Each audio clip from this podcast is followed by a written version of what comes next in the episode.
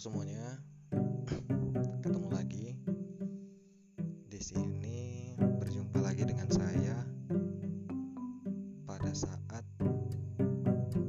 kita sedang bersiap-siap menghadapi kebiasaan baru yang mungkin saja jadi hal yang baru juga berbeda dari sebelumnya dan kita juga yang membuatkan membuat saya sebenarnya sedikit lebih berat menghadapi ini. Karena pada dasarnya saya ini adalah orang yang benar-benar apa ya? berat untuk menghadapi sebuah perubahan baru yang radikal.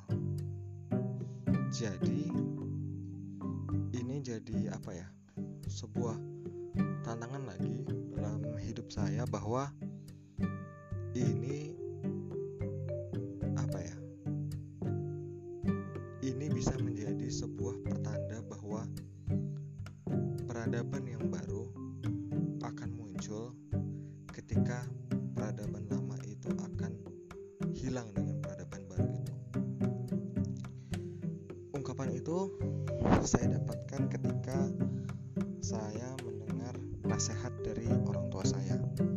Beliau mendasar dari kisah Ramayana.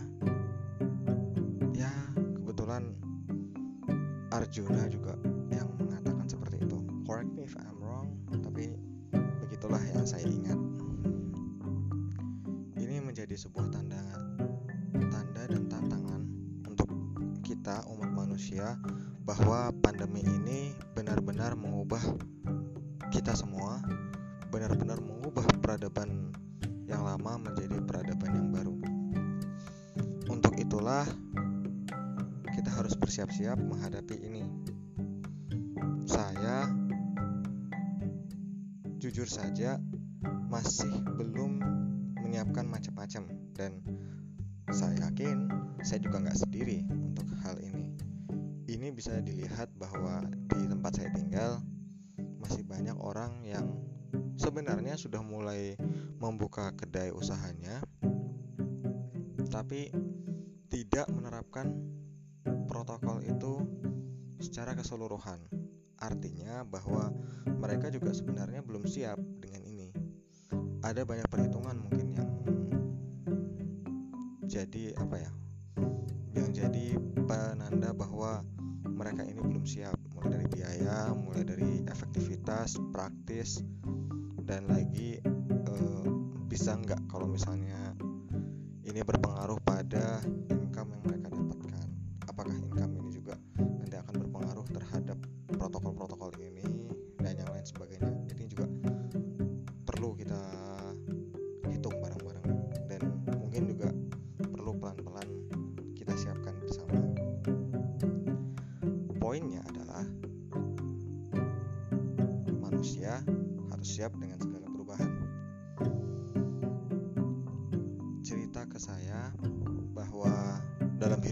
sudah terjadi banyak sekali perubahan yang radikal.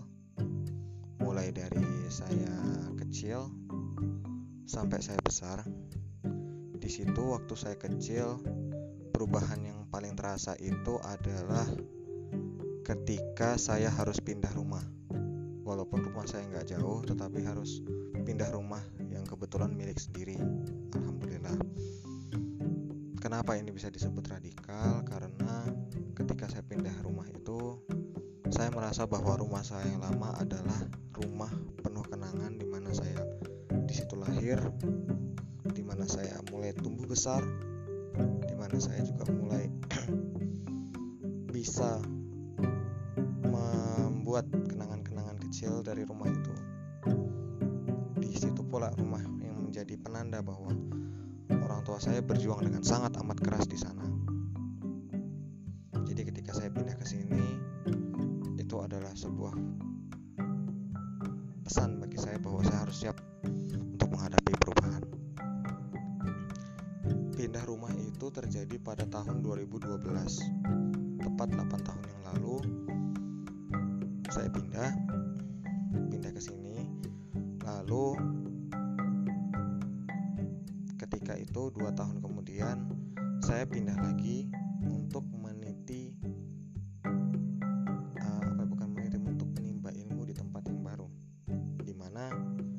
saya nggak bisa harus bertahan stay di sini untuk mencari ilmu saya sadar bahwa tempat saya tinggal ini memiliki banyak sekali keterbatasan dan saya merasa bahwa tempat saya belum cukup siap untuk menampung saya. Jadi saya mencari tempat yang lebih besar lagi agar saya bisa muat di situ. Agar saya bisa explore apa pun yang ada di sana.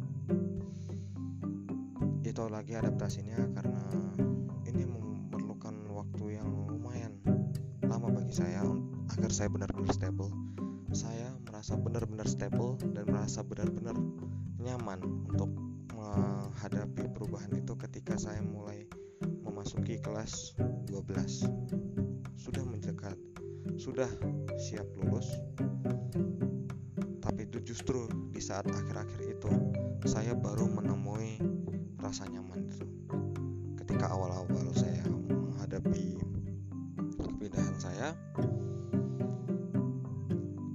saya di situ dihadapkan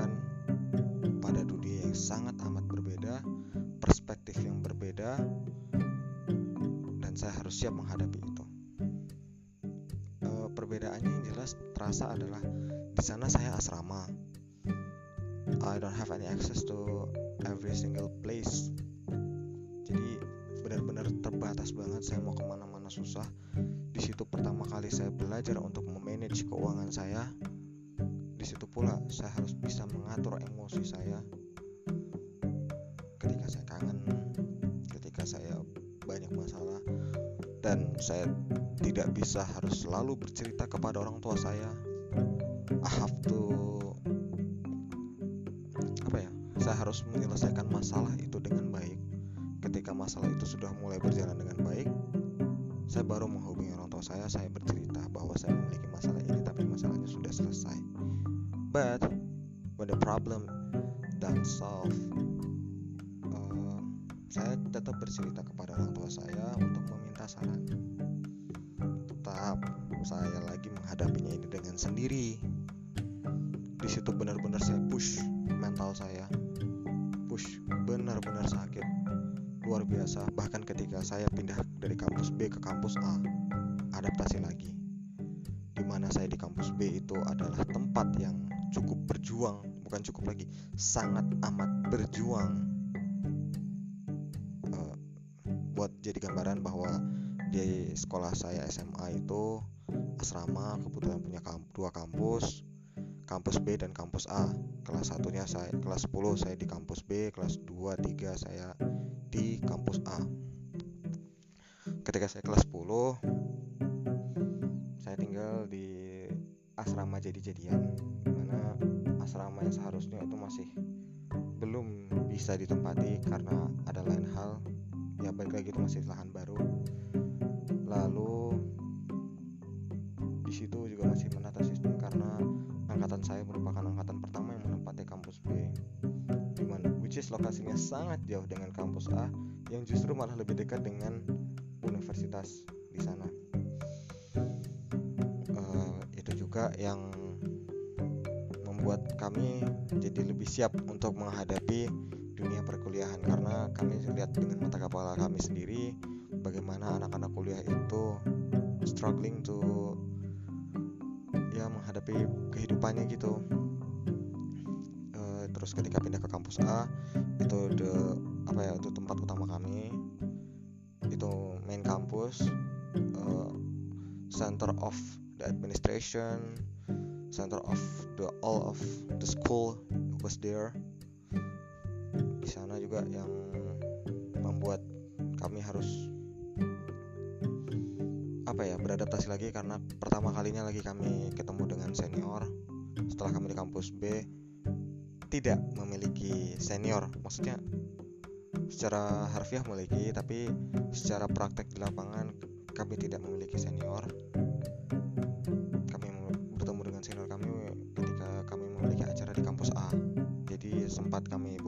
kampus antara kampus B kampus A dulu. Uh, yang paling saya ingat itu ketika pilkadesu pemilihan keluarga pemilihan kakak adik asuh di situ. Hmm, ya balik lagi ke beradaptasi lagi ketika saya di SMA di situ saya menghadapi tekanan yang sangat berat di mana saya ketemu dengan senioritas dan I had them serius sampai sekarang saya membenci yang namanya senioritas. Bukan karena orangnya bad. Tapi yang saya benci adalah caranya. Cara yang digunakan selalu mengintimidasi selalu me, apa ya mereduksi kekuatan pikir dari seorang junior. Mereka mempreteli idealisme kami. Mereka merampas kebebasan berpendapat kami dan mereka menekan kami seolah-olah mereka paling berkuasa. Seolah-olah mereka berhak atas nyawa kami. Bisa dibayangkan seperti itu. Di situ saya lumayan tertekan. Setiap malam kami ya lumayan ada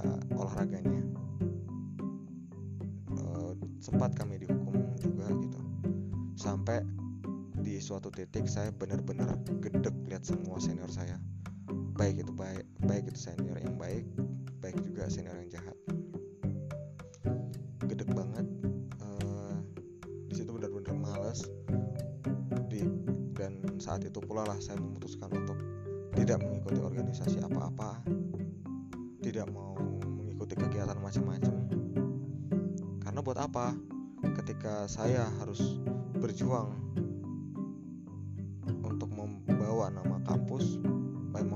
sekolah, tetapi ketika kami pulang, kami dibully habis-habisan di situ. Seolah-olah kami itu tidak bisa memberikan apa-apa ke kampus. Baik lagi tidak semuanya yang mengatakan, tetapi ada eksplisit sedikit oknum yang mengatakan seperti itu yang itu yang saya rasakan pula lah yang membuat saya ya udah sih gitu itu pula lah yang membuat saya sedikit berubah gitu. ketika mereka lulus oke okay, ini struggling baru buat saya tetapi itu juga bencana buat saya lagi karena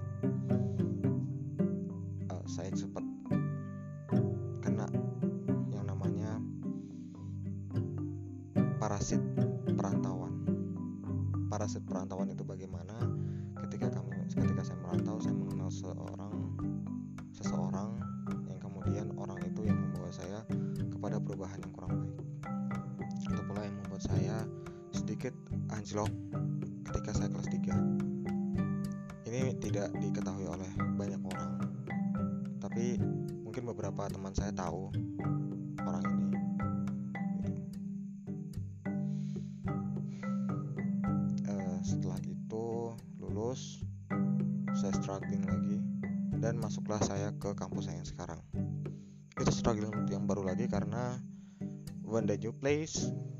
new ecosystem new environment new friends new family and the connectivity uh, with the other people too fast and the new place and the new place is so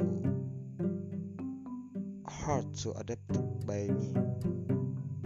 Jadi lumayan berat juga buat saya untuk bisa beradaptasi di sana karena tempat lokasinya di Malang so sangat dingin.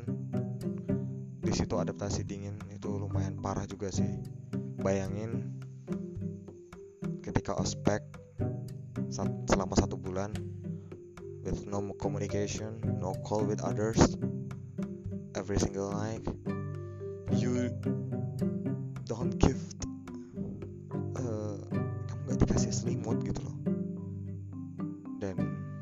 ketika setiap pagi setiap subuh kami dibangunkan untuk sholat subuh saya selalu kedinginan di situ. Parah banget. Itu adaptasi yang benar-benar menyakitkan bagi saya. Dan di situlah awal mula bencana penyakit saya datang. Buruknya ketika saya ospek tempat minum yang kami beri diberi tempat minum yang diberikan kepada kami itu adalah botol yang sama jadi ketika ada satu orang yang sakit batuk tempat minumnya ini apa ya kita per individu tidak diizinkan mengambil minum kita secara mandiri.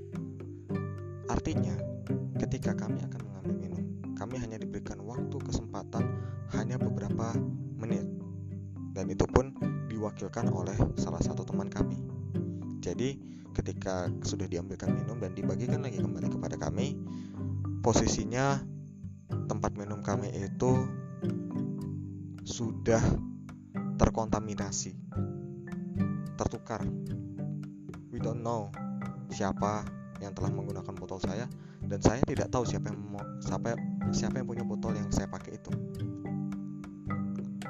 Uh, which is itulah yang menjadi awal mula salah satu teman saya batuk dan itu langsung menyebabkan satu angkatan kami batuk ketika pelantikan sebagai mahasiswa baru di sana. Um, semua yang dilantik di situ mengalami batuk hebat dan itu sangat menyiksa. Oh, itu benar-benar neraka banget buat saya.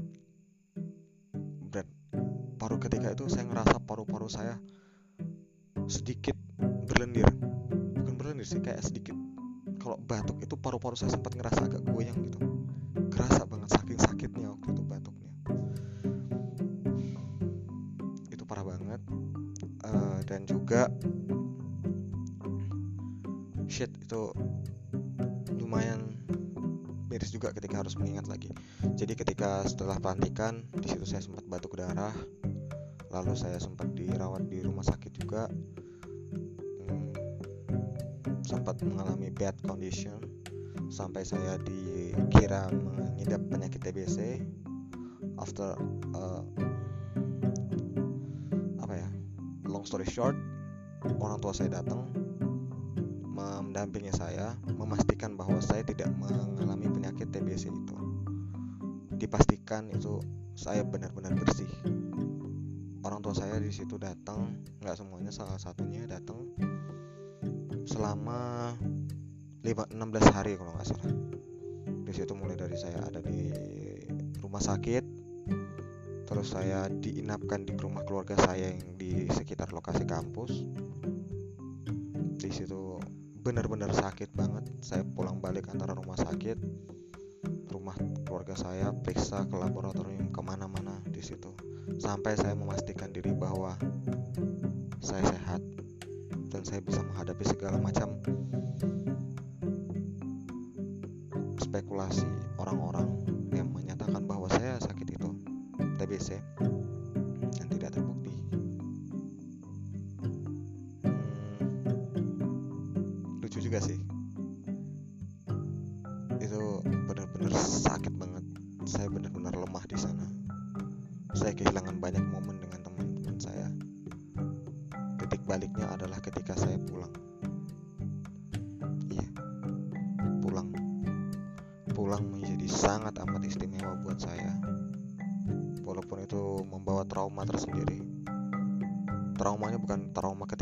tapi trauma ketika mengalami pendidikan. Bukan pendidikan, maksudnya mengalami ospek itu ya. Ospek itu sendiri membawa trauma. Dan saya harus menghadapi lagi perubahan itu perubahan untuk bisa beradaptasi dengan trauma. Hmm, lalu perubahan lagi yang secara radikal terasa adalah angkatan saya ketika masuk kampus itu merupakan sekolah tinggi. Bayangkan kurikulum antara sekolah tinggi dan dan politeknik itu berbeda. Di mana sekolah tinggi berfokus kepada insan akademisi, sementara politeknik fokus pada menciptakan orang-orang yang bisa menguasai ilmu terapan di lapangan sehingga dinamakan sekolah vokasi. Adalah dua konsep hal yang berbeda. Di situ lumayan berat karena perubahan ini tidak pernah dialami oleh senior-senior saya. Tidak pernah dialami oleh dosen-dosen saya juga sebelumnya. Walaupun ada beberapa dosen yang sudah sepuh mengalami perubahan beberapa kali dari sekolah tinggi sampai ke politeknik. Itu ada dosen yang pernah mengalaminya. Tapi lain cerita dengan kami. Sehingga konsep inilah yang membuat kami menjadi culture shock tersendiri, baik dari dosen dan mahasiswanya. Dosennya yang saya rasakan jujur sedikit berat menghadapinya sehingga ketika mengaplikasikan keilmuan yang dimiliki cenderung berat dan sulit.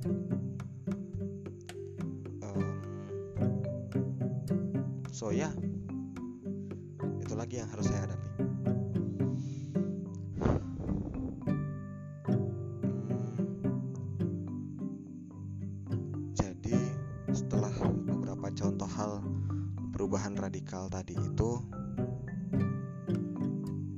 Poinnya adalah apa pun yang terjadi, hidup kita itu selalu diliputi dengan perubahan.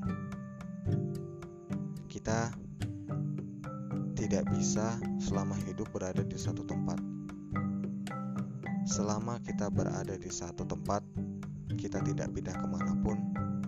Kita tidak tahu ke mana kita bisa mencari bukan maksudnya kapan kita bisa merasakan nikmatnya hidup?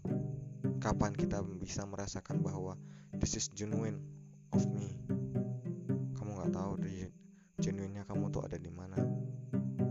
Caranya seperti apa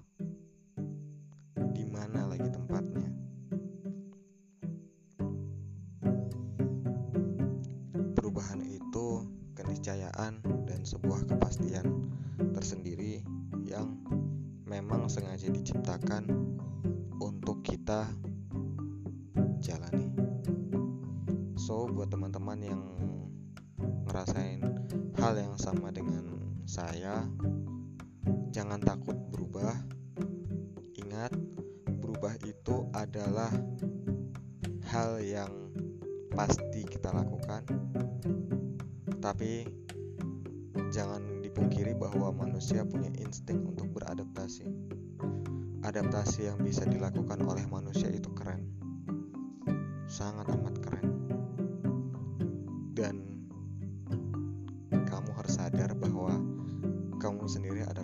Produk adaptasi. Adaptasi dari mana? Adaptasi dari perubahan yang sangat amat radikal. Di mana kita adalah berawal di mana kita berawal dari sebuah sel terus menjadi sel yang menjadi sebuah jaringan yang banyak terciptalah akhirnya sebuah makhluk hidup besar terus ya gitulah evolusi evolusi evolusi dan sampailah kepada kita yang saat ini ada seleksi alam bekerja untuk menyingkirkan makhluk-makhluk yang tidak bisa selamat terhadap perubahan itu. Jadi, agar kamu tidak gugur terseleksi